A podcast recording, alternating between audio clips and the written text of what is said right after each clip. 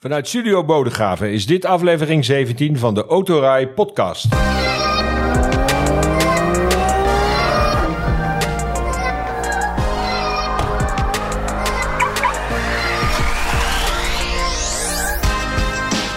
De Autorij podcast is de talkshow over auto's, autonieuws, actualiteiten, eigenlijk alles over auto's en mobiliteit direct of indirect verbonden met auto's. Eh, Gasten aan tafel natuurlijk weer twee redacteuren van Autorij.nl, Niall van Leeuwen en Max Veldhuis. En weer een gast, zoals gebruikelijk. Elke editie hebben wij een gast aan tafel. En het is eer en genoegen om aan tafel te hebben de directeur van de rijvereniging, Olaf de Bruin. Olaf, drukke tijden de- deze periode, zo in september? Ja, zeker drukke tijden. Zeker voor ons als vereniging na Prinsjesdag. Er komt er allerlei eh, nieuws naar buiten. Dus dat is iets wat wij eh, ja, direct doorgronden. En eh, dat geeft zeker extra werk. Ja, drukke tijden. Daar gaan we het straks uitgebreid over hebben. Over zaken die onder andere het beleid in Nederland aangaan. En weer op Prinsjesdag naar buiten zijn gekomen. We gaan eerst toch even echt naar de autootjes. Eh, en ook nieuwe autootjes, altijd leuk. En als er dan een nieuwe Volkswagen komt, ja, dan staat er heel Nederland op zijn achterste benen. En in dit geval, welke is het in dit geval, eh, Max? Ja, dat is de nieuwe Volkswagen Tiguan. En? Een mooie? Eh, ja, goede? het is, ah, het is eigenlijk bij Volkswagen wel gewoon meer van het, ja, in, in zekere zin meer van hetzelfde. Het is natuurlijk een, een, een middelgrote SUV. heeft een aantal stijlkenmerken die de Volkswagens van vandaag de dag kenmerken. Hè? Dus bijvoorbeeld tussen de koplampen is een soort ledstrip die ze met elkaar verbindt.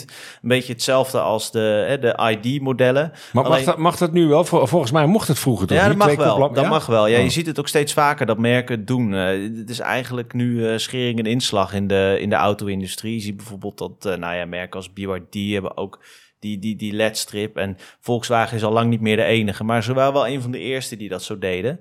Alleen over die ID-modellen gesproken... Tiguan komt er dus niet als volledig elektrisch model. Dat behoudt Volkswagen echt voor aan de ID-modellen.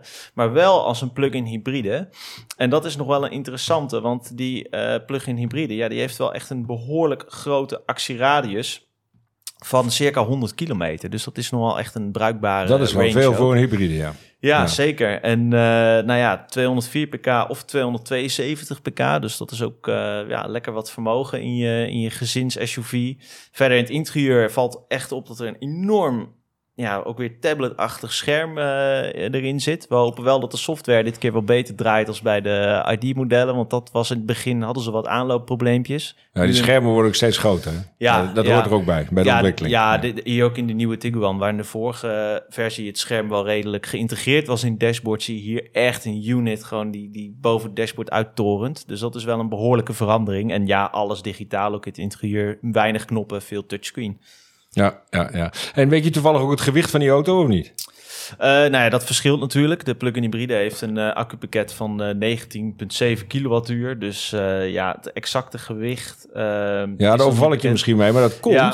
omdat ik wel even aan Nile wat vragen. Want eh, als je namelijk een auto hebt die zwaarder is dan 1800 kilo, dan wil, eh, is er een Europees voorstel om dan een apart rijbewijs daarvoor te laten maken. Ja, dat klopt. Of te halen eigenlijk. Ja, dat klopt. Als het eh, aan een Frans Euro- Europarlementariër ligt, eh, wel. Die heeft een voorstel gedaan om een rijbewijs, een B-plus rijbewijs eh, in te voeren. Waarbij er een grens wordt getrokken eh, op het voertuiggewicht. Dat zou dus betekenen dat je met het huidige eh, B-rijbewijs, zoals we allemaal hebben, dat je daarmee een auto tot ehm, een gewicht van 1800 kilo mag besturen.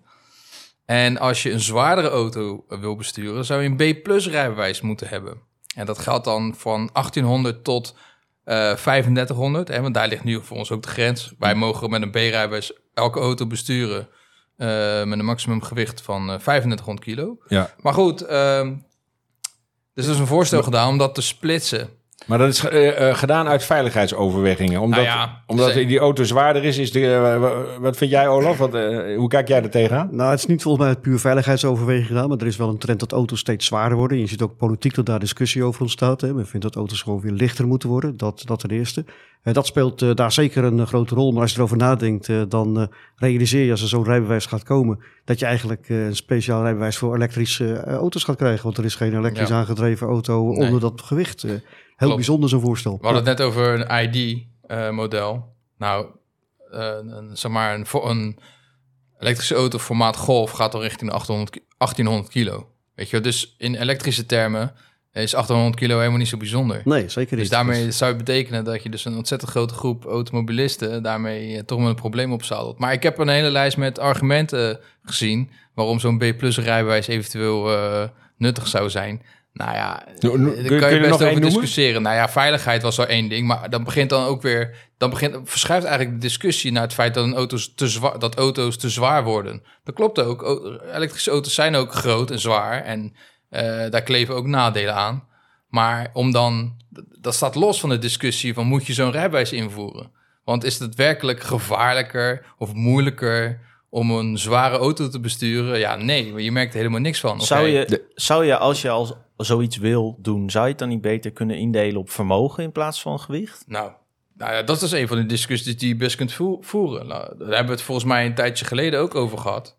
Eh, tegenwoordig, eh, zeker met de elektrische auto's, eh, heb je toch ja, al, al voor redelijk snel al behoorlijk eh, veel power onder, je, Ja, voet. Want dat hoort nou eenmaal bij een elektrische auto. Die accelereren gewoon veel krachtiger. Weet je, dus iedereen kan redelijk eh, snel weg eh, accelereren bij een stoplicht. Ja, dan weet je, op een gegeven moment moet je toch jezelf afvragen van ja, moet je al die dingen steeds blijven ehm, eh, opnieuw inrichten? Ik denk dat je het gewoon moet laten voor wat het is. Denk je dat het er komt, Olaf? Want Nee. je hebt al vaker voorstellen gezien eh, in Europa. Nee, dat gaat er eh, zeker niet komen. Dit is Nee? echt zo'n eh, luchtballonnetje. Het is natuurlijk een discussie in het kader van de nieuwe rijbewijsrichtlijn. eh, Ja. Die, eh, aan het, ja, die gaat komen in de komende jaren. En eh, ja, dit komt uit een hoek, eh, toch een beetje de milieugeoriënteerde hoek, die gewoon ja, eigenlijk eh, een, een hekel heeft aan, aan zwaardere auto's. Hè. Het gaat niet alleen om elektrische auto's overigens, maar ook Nee, de brandstofauto's hè, met Ja. alle sport utilities. Hè. De SUV's hebben gewoon eh, de gemiddelde gewichten sterk omhoog gebracht de afgelopen jaren.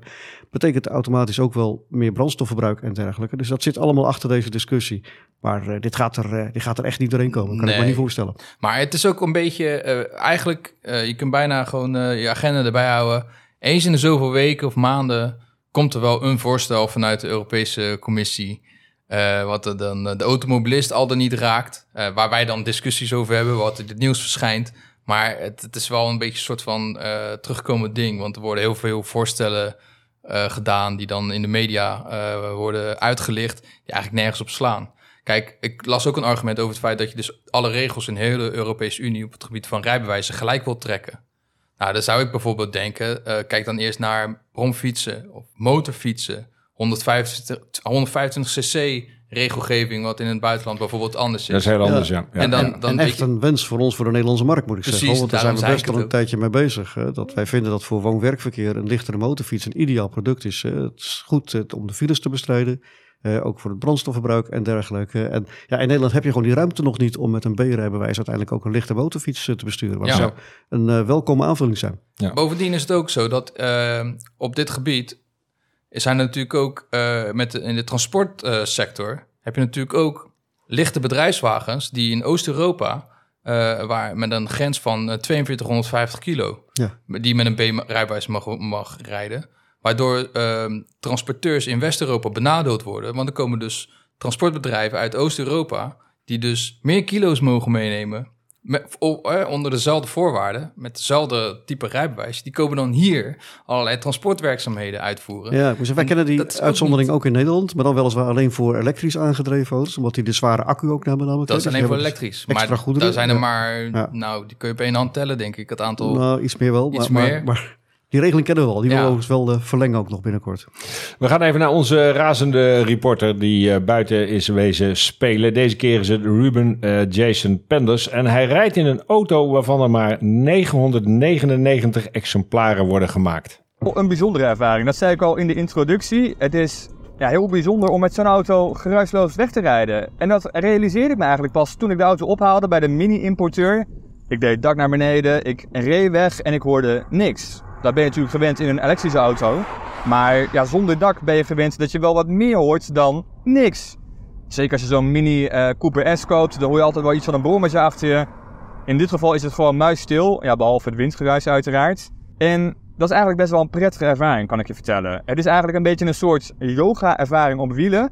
Ik heb nog nooit yoga gedaan, maar ik kan me voorstellen dat je een beetje dit gevoel krijgt. Je krijgt een soort innerlijke rust. Alles komt samen in de wereld. En het is echt gewoon puur genieten geblazen. Het is wel een ervaring die je zelf moet meemaken, die ik vrij moeilijk kan omschrijven. Ja, je krijgt gewoon veel meer mee van je omgeving. Je hoort vogeltjes fluiten, je hoort blaadjes ritselen in de wind, je hoort takjes knisperen onder je auto. En ik word daar persoonlijk heel rustig van. Als je je zorgen maakt om de toekomst, omdat je vol zit met elektrische auto's en je bent bang dat cabrio rijden dan niet meer leuk is, maak je je geen zorgen. Plezierritjes zijn met de kat naar beneden met een elektrische aandrijflijn nog veel leuker. Ja, wat voor rijervaring krijgen dan die 900? Ja, d- eh, daar was hij nog even terug, want het is natuurlijk een opname. Maar in ieder geval, hij reed met de Mini Electric eh, Cabrio. Een, een bijzondere auto, want het is een van de eerste elektrische cabrio's. Ja, de eh, eerste elektrische cabrio is eigenlijk Ja. wel gek als je, als je Ja. zo over nadenkt. Want je denkt van, nou, die, die is het toch al lang? Nou, nee dus. Nee, nee, blijkbaar niet. Blijkbaar we, gaan, niet. we gaan nog even wat andere nieuwtjes behandelen. Dat vind ik leuk, want er is ook een nieuwe Peugeot eh, E3008. Of is het nu eh 3008? Dat is een aardige discussie, hè? Want eh, Peugeot eh, zegt altijd een 0 in het midden. Ja. Ja, eigenlijk wel. Anders zou je 508, 308... Ja, dat zeg je inderdaad- eh, Nee, dus eh, de, ja, 3, E3008 dus eigenlijk. Ook eh, weer volledig eh, elektrisch. En eh, ja... Heb je ermee gereden of is hij alleen eh, hij is geïntroduceerd? alleen nog maar statisch. Dus ri- rijden moet nog. Eh, wordt denk ik wel interessant, want Peugeot belooft dus een eh, rijbereik van tot wel 700 kilometer. En dat is eh, zeker voor een auto in, in dat segment is dat echt behoorlijk. Want een, eh, bijvoorbeeld een Mercedes EQS komt daar, nou ja, wel bij in de buurt. Maar ja, dat, dat is, was tot voorheen echt voorbehouden aan het topsegment.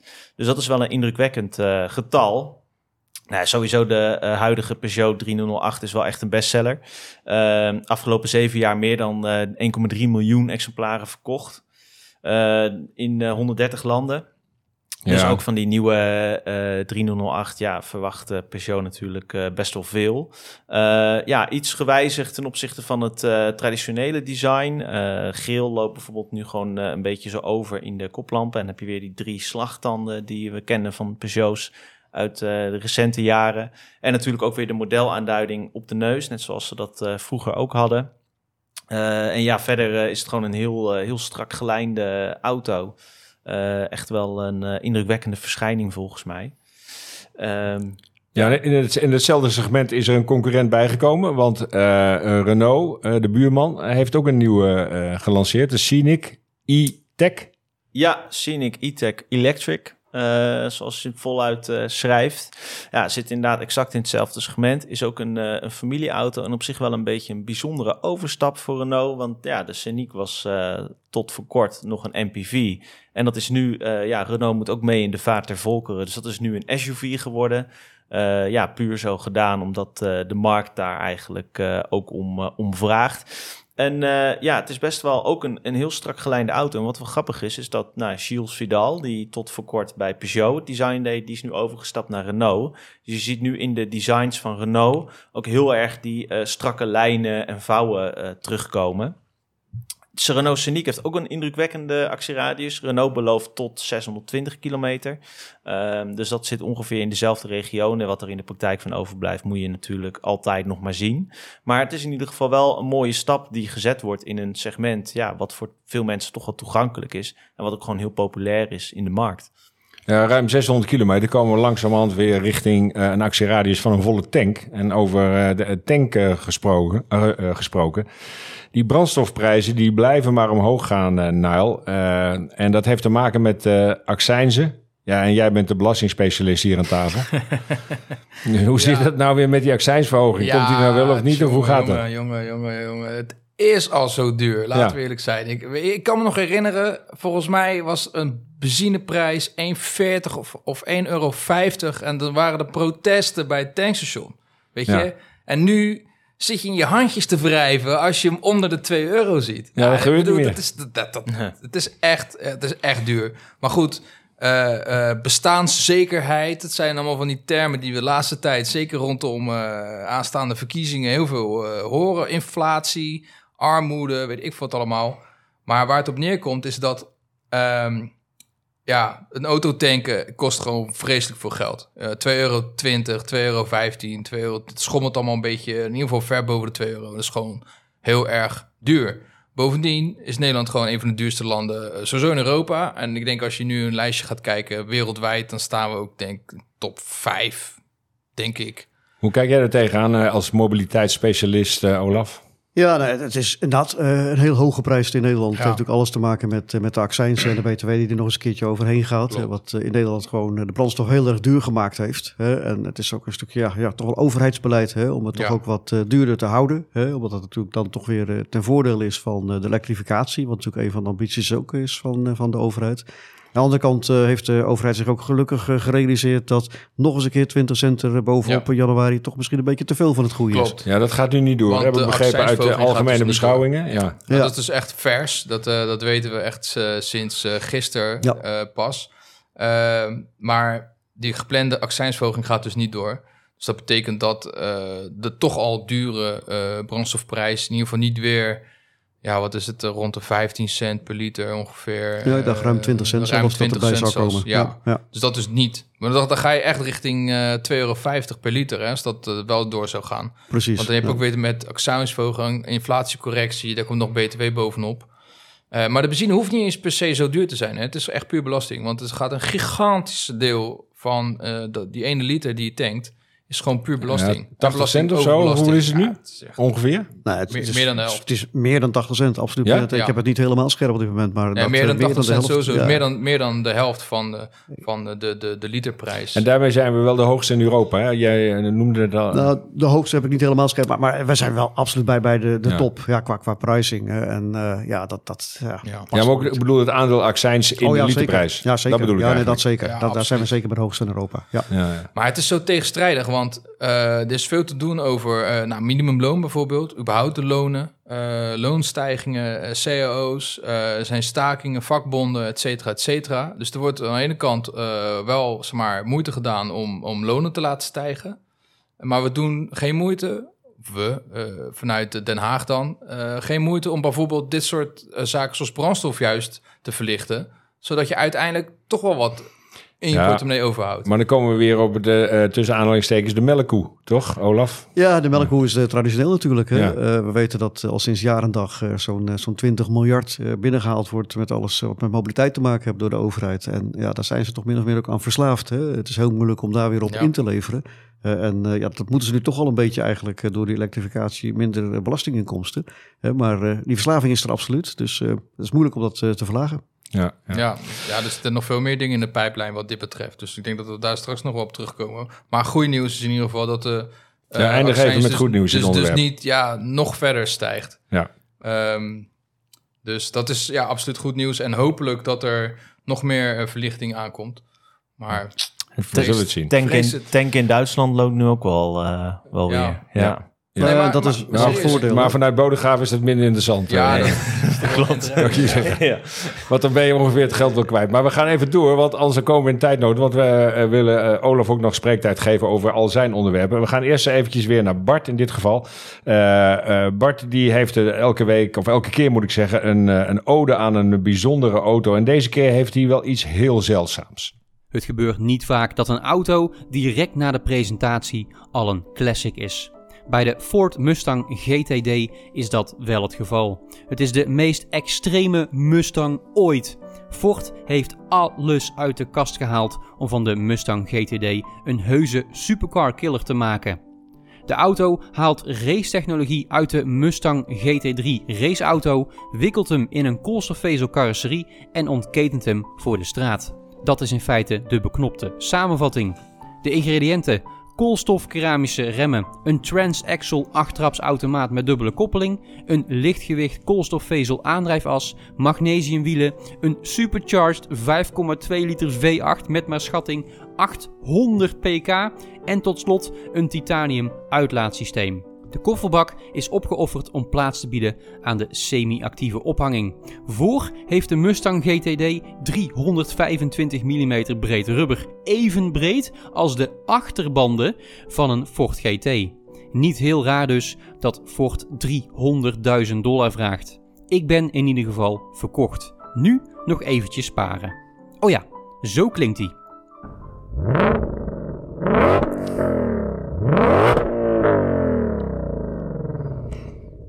Ja, dat zijn wel de echte mooie geluiden. Hè? Dat hoor je Ja. niet bij een elektrische auto. nee, maar goed, nee, nee.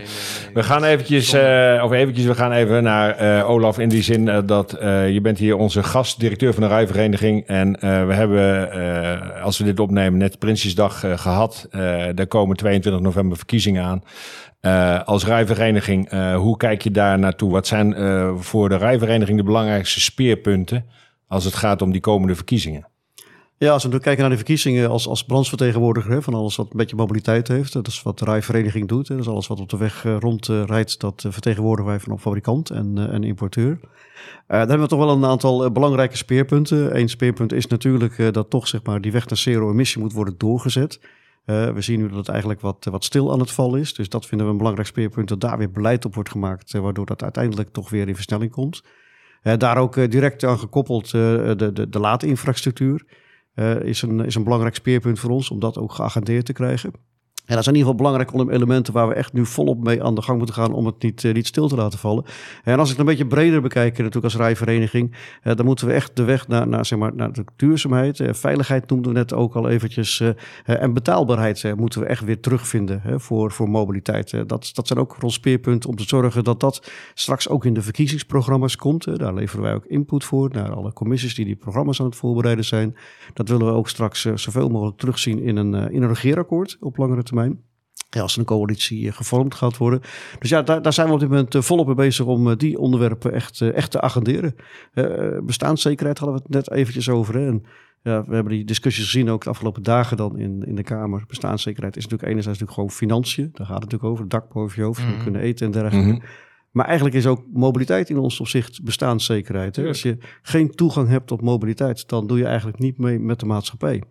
Sta je er gewoon buiten, kun je niet werken, kun je niet deelnemen aan allerlei sociale activiteiten. Dus ook dat vinden wij belangrijk om ook mobiliteit een onderdeel te maken van die bestaanszekerheid. Even om voor de luisteraar iets duidelijk te maken. Hoe brengen jullie dat onder de aandacht in Den Haag? Is dat schriftelijk of eh, heb je daar eh, lobbyisten voor of hoe doe je dat? Ja, dat, ja, dat gaat via verschillende kanalen. Hè, maar zeker in deze eerste periode gaat het vooral in eerste instantie schriftelijk. Hè, want wij zijn natuurlijk niet de enige partij die eh, zeg maar bij die programmacommissies allerlei input eh, aanleveren. Gelukkig wel een partij wat heel, die heel erg herkenbaar is voor hen Ja. Bekend is ook bij hen. En we hebben natuurlijk ook eh, ons, onze directe contacten. Hè, en als je als partij niet eh, waar gedurende het hele jaar of de hele periode ja, je contact hebt, dan kom je heel moeilijk binnen. Hè, maar wij hebben natuurlijk voortdurend contact met de mensen in, in Den Haag, met de politiek, eh, met de Kamerleden, met ja, die commissies die dat nu aan het voorbereiden zijn. Dus eh, ja, via allerlei kanalen, zowel zeg maar één op één als eh, schriftelijk eh het aan. En jij bent, doet het als vertegenwoordiger van een rijvereniging, maar jullie doen het vaak ook samen met andere organisaties. Ik noem maar Ja. iets als BOVAG en zo. Ja. Eh, eh, kun je er nog een paar noemen waar je Nee. Mee samenwerkt? Heel zeker, want dat werkt ook heel erg goed natuurlijk. Als we vooral ook, zeg maar, wij zeggen, ja, coalitievorming hebben, ook eh, zeg maar, met de partijen die richting Den Haag gaan. Eh, en vooral op mobiliteitsgebied eh, zoeken we elkaar wel op. En dat is vaak inderdaad met, eh, met een BOVAG, maar ook eh, met een eh, ANWB. Eh, eh, met een eh, VNA, dus de Vereniging van de Autoleasemaatschappijen, doen we dat vaak. maar ook een partij als Natuur en Milieu komen we daarin wel tegen. Dus die, die, die trekken we ook vaak wel in het geheel om ook zeg maar, balans te krijgen in ons voorstel wat we daar gewoon als partijen neerleggen. Want dat verhoogt ook weer het draagvlak bij, bij de partijen waar we het neerleggen. Ja. ja, je had het net al over zero emission. Eh, dat betekent dat elektrisch rijden er ook een belangrijk aandeel in heeft. Welke stappen moeten er genomen worden om dat elektrisch rijden aantrekkelijk te houden? Ja, precies te houden. Ja, want we waren Ja. zo goed op weg eigenlijk hè, in Nederland. Hè. We zijn natuurlijk altijd een van de, van de koplopers eh, geweest tot op heden. Eh, en we zien op dit moment dat, eh, dat het wat stil gaat vallen. Het vorige kabinet was bezig met allerlei plannen. Eh, eh, eh, minister Jette heeft nog vlak voordat het eigenlijk viel, het kabinet, nog was een klimaatplan er doorheen gehaald. Maar daar heeft hij helaas niet alles in geregeld wat geregeld had moeten worden. Hè. Daar heeft hij echt een, ja, al dan niet bewust een behoorlijk gat laten vallen in de periode 2026-2030.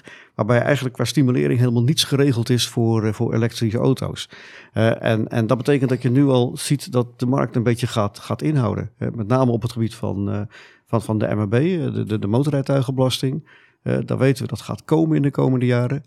Eh, en zoals de plannen er nu liggen, ga je motorrijtuigenbelasting op een elektrische auto betalen op basis van het gewicht, wat op zich dus gebruikelijk is voor motorrijtuigenbelasting. Maar we weten allemaal dat een elektrische auto een accu heeft van 6, 7, 800 kilo. Eh, en die telt gewoon mee in het gewicht op dit moment. En Ja. daar, daar wordt geen correctie voor doorgevoerd. En als ze dat gaan doen, dan betaal je gewoon op een elektrische auto straks 60% meer motorrijtuigenbelasting dan op een benzineauto in vergelijkbare situatie. En dat, dat, dat kan natuurlijk niet. Dat Nee. moet echt geregeld worden. Ja. En zo zijn er nog wel een paar meer dingen. Echt die tussenliggende periode maken we ons behoorlijk zorgen over.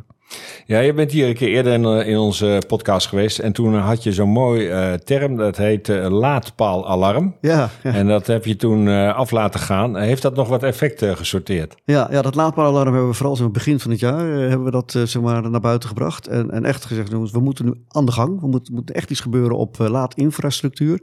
Eh, eh, voor personenauto's eh, kunnen we zeggen, zijn wij redelijk op weg natuurlijk. Hè, want als we het vergelijken binnen Europa, dan hebben we zeg maar, de meeste laadpalen. Maar daar zijn we ook nog lang niet mee klaar. Maar ons laadpaalalarm ging ook over het goederenvervoer, trucks. Eh, eh, daar zijn we nog eigenlijk helemaal niet mee begonnen. Terwijl we over twee jaar eh, in heel veel steden verplichte distributie elektrisch hebben. Eh, daar kan niet geladen worden. Dus daar, daar moet echt aan gewerkt worden. Nou, heeft het wat gedaan? Ja. In ieder geval dat veel meer partijen op dit moment hierover praten in Den Haag. En dat het zeg maar, vanuit verschillende kanten wordt het, wordt het geagendeerd. Er is ook geld. Als we kijken wat er de Prinsjesdag gepresenteerd is, hebben we toch enkele tientallen miljoenen eh, beschikbaar gekregen voor de komende periode om te investeren in die, eh, in die laadinfrastructuur. Dus er wordt echt wel, wel, wel aangewerkt en gedacht. Maar je ziet ook wel, als we dat niet invullen, dan ja, komt die elektrificatie niet volledig eh, los. Maar het is ook wel echt tijd nu voor echt ja, zeg maar de mouwen opstropen en, en het gewoon gaan doen. En ja, met name dat element, dat, eh, daar gaan we nu vooral op drukken. Ja. Maar in het klimaatakkoord staat dat in 2030 in Nederland 1,9 miljoen elektrische auto's op de weg moeten rijden. We hebben er nu ongeveer net iets meer dan 400.000. Ja, Dat gaan we niet redden. nee, dat, daar zijn wij ook eh, bang voor. Dat, dat Eh, doel wordt niet gehaald. Nee, er was een ambitie vanuit het vorige kabinet om 100% nieuw verkoop te hebben in 2030. Ja. hè. Daar waren ook alle plannen op, eh, op gericht. Mhm. Eh, eh, maar dan moet je ook echt daar gewoon de, doortrekken eh, wat, wat je, waar je nu mee bezig bent. hè. Wat ik net zeg, vanaf 2026 is er eigenlijk niets geregeld. Er lag dit voorjaar een plan. Hè, dat kwam uit het eh, rapport van, eh, van mevrouw Van Geest. eh, die aangaf dat eigenlijk alle zakelijke auto's eh, eh, vanaf 2026 eh, elektrisch eh, zouden moeten gaan worden. Dat was natuurlijk om druk op te voeren, om uiteindelijk ook te komen naar die 100% elektrisch in 2030. De plan is weer van tafel. Ja, dat is, van er tafel. Ja. ja, dat is er uiteindelijk niet, eh, niet doorheen gekomen. Het is wel bijzonder om dat ook te zien, hè, dat, dat dat van tafel is. Eh, niet alleen vanwege onze lobby, want wij konden nog wel best wel leven met die gedachte om op die manier zeg maar, die elektrische markt verder in versnelling te brengen. Maar dat eh, ja, de, de ministeries onderling er heel veel discussie over kregen. Hè. Het ministerie van Infrastructuur en Waterstaat, die, eh, die wilde dat natuurlijk. Die bracht dat ook actief naar voren. En dat kwam met name ook bij minister Jetten of de rest ook vandaan. Eh, en uiteindelijk zei Financiën, ja, maar dat is allemaal leuk en wel. Wij gaan veel te veel inkomsten durven. We krijgen geen BPM op die auto's, gaan geen accijnsen betalen op de brandstoffen. De MRB is voorlopig nog een heel stuk lager voor die auto's. Dus dat is een financiële discussie geworden bij de overheid. Waardoor ze zelf hebben gezegd, ja, die derving is dermate groot en die kunnen we niet ergens anders in het autodomein, zoals ze dat noemen, terughalen qua belastingen. Eh, dus eh, ja, dat blokkeerde uiteindelijk de discussie. En uiteindelijk is het niet in het klimaatplan van, eh, van minister Jetten gekomen. Ja, en is dat dus een gat geworden in, ja, in de periode 2026-2030, dat ze niks geregeld hebben. En wij hopen, nou, dit kabinet zal het niet meer doen in de demissionaire status, de huidige Kamerleden ook niet. Maar we hopen dat eh, na de verkiezing in ieder geval de Kamerleden of eh, het nieuwe kabinet heel snel eh, hier, hier stappen in gaat nemen. Je zegt dat er vanaf 2026 tot 2030 niets is geregeld. Maar eigenlijk waar het nu op neerkomt, is dat elektrisch rijden juist duurder wordt. Het wordt duurder door de invoering van wegenbelasting. Heb je in het A, B en C en een klein beetje D-segment. is zijn zeg maar, je total cost of ownership, dus eigenlijk gewoon je totale autokosten voor een elektrische auto, overstijgen de kosten van een benzineauto. Nou, Dat is gewoon zelfs door. Ik heb een hele Kamerbrief gelezen met, met, met, met Kamervragen van het eh, ministerie van Infra- Infrastructuur en Waterstaat. Daar staat, wordt gewoon erkend van ja, dat klopt. Elektrisch rijden wordt gewoon duurder. Maar het probleem is dat door dat vooruitzicht zie je dus nu al eh, dat eh, de verkoop van elektrische auto's al eh, zeg maar. Nou ja, stagneert wil ik niet zeggen, maar wel in ieder geval de groei is Afneemt, afgevlakt. ja. Ja. Je ziet dan aan het, eh, eh, de hoeveelheid eh, subsidie wat nog beschikbaar is, dat particulieren ook niet eh, hard lopen.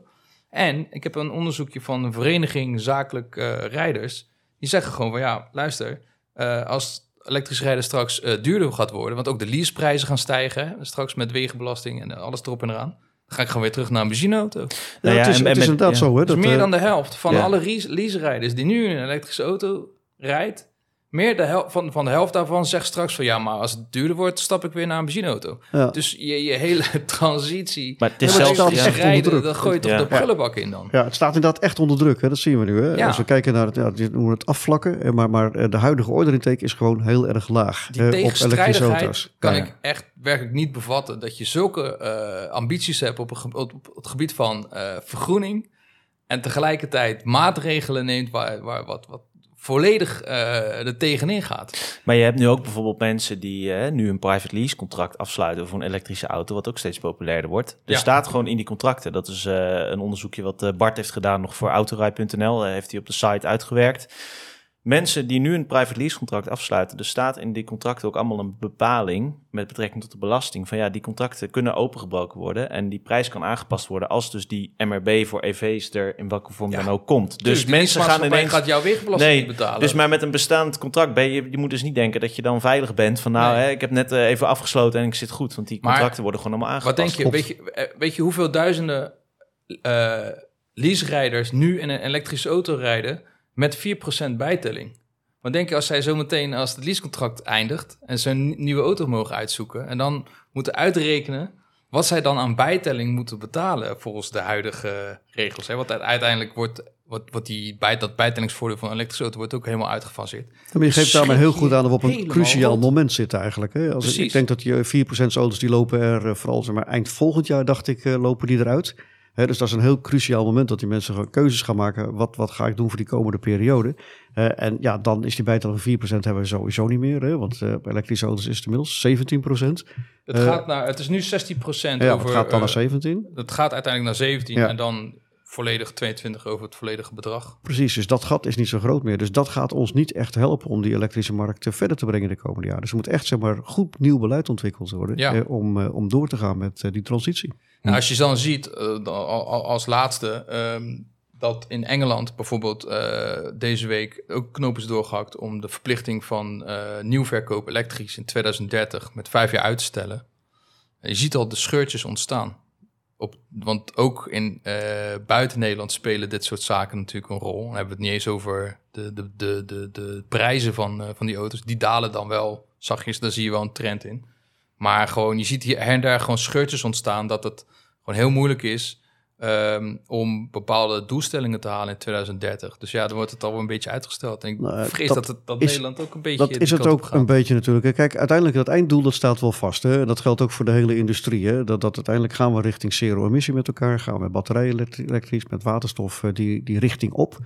Maar het tijdspad, daar staat nu op dit moment zoveel druk op dat het 2030 eh, ja, heel erg lastig zal worden. Dus ja, het zou heel goed kunnen dat daar straks toch een beetje ruimte in eh, gecreëerd Ja. wordt. Het moet wel realistisch en wat ik net zei, ook betaalbaar blijven. Precies. Eh, en als de betaalbaarheid weggaat, dan eh, ja, zakt die hele markt in. Ja, het is gelijk zo rigoureus. Kijk, weet je dat je, zeg maar, je, je stimulans en dat je, dat je eh, vers- ehm, financiële voordelen een beetje afbouwt voor elektrische auto's. Nou ja, dat, daar valt op zich nog wel wat voor te zeggen. Terecht. Ja. Maar het is gelijk zo rigoureus. Gelijk zodanig dat het gelijk juist duurder wordt en een averechts effect oplevert. Waarom is er geen middenweg? Dat, j- jullie hebben goede contacten met eh, de politiek. Waarom is het altijd zeg maar, van die uiterste? Ja, maar dat is een beetje het samenspel, dus wat spanningsveld eigenlijk eh, tussen die ministeries waar ik het eh, net over had. hè, Ja. Waardoor zeg maar, het een wel wil en de ander zegt het is niet betaalbaar vanuit de overheid. Het kost gewoon de overheid eh, te, te veel geld. Dat speelt daar eigenlijk ook eh, ja, heel, heel belangrijk doorheen. Eh, en en eh, in, in die oorspronkelijke plannen dit voorjaar was voor die periode vooral de gedachte, nou we gaan het ja, zeg maar verplichten hè, voor alle zakelijke auto's. Dus dan komen ze vanzelf. Maar die verplichting is er helemaal uitgegaan. Ja, dat geeft in elk rekensommetje wat je maakt nu een veel lager eindresultaat in wat je gaat halen in 2030. Ja, Nog eventjes eh, met het oog op 22 november, de nieuwe eh, verkiezingen. Eh, ik ga er niet vanuit dat je alle partijprogramma's hebt gelezen, maar je hebt er vast wel een idee over. Welke partijen zijn nou het meest gunstig gezind voor de mobiliteit? En wat zou een, een mooie coalitie zijn om te zorgen dat de mobiliteit in Nederland gegarandeerd blijft en dat iedereen mobiel blijft op een betaalbare manier? Ja, nou we zeggen, die partijprogramma's die komen echt allemaal nu in deze periode uit. Hè. We hebben Ja. inderdaad, uh, diegenen die er zijn, hebben we al redelijk uh, doorgrond. Maar ze zijn er nog zeker niet, uh, niet allemaal. zeker ook niet van, van partijen die toch ook belangrijk zijn. De BBB is nog niet echt duidelijk. Wat Pieter Omzicht gaat doen, het gebied is niet duidelijk. Er zijn toch twee partijen die zeg maar straks echt wel gaan, gaan meetellen. traditioneel natuurlijk is, is de VVD wel een partij die altijd zeg maar, zeg maar, ja, autorijden wel, wel hoog in het vaandel staan. Dat wel zorgt dat die mobiliteit ook werkelijk wordt, wordt ingevuld. dus, dus ja, daar, daar zullen zeg maar, coalities vanuit die richting uiteindelijk uh, moeten komen.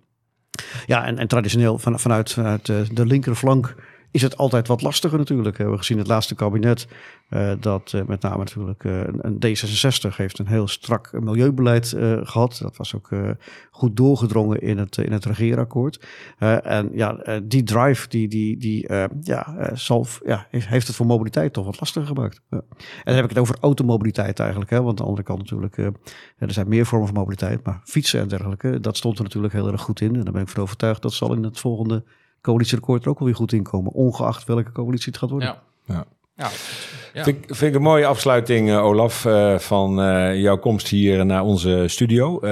we gaan nog wel even door met deze opname, want we hebben altijd nog 30 seconden houden we over voor de 30 seconds, zoals het zo mooi heet. en dan mag je raden om welke auto het gaat. De vorige keer ging het om de Fiat Panda. De winnaar is Boudewijn van der Hinten uit Dordrecht. Gefeliciteerd. En de vraag is, om welke auto gaat het nu? We noemen geen merk, geen model, geen land van herkomst. En Bart gaat het vertellen. Je bent een absolute ster. In het alfabet sta je op de tweede plaats.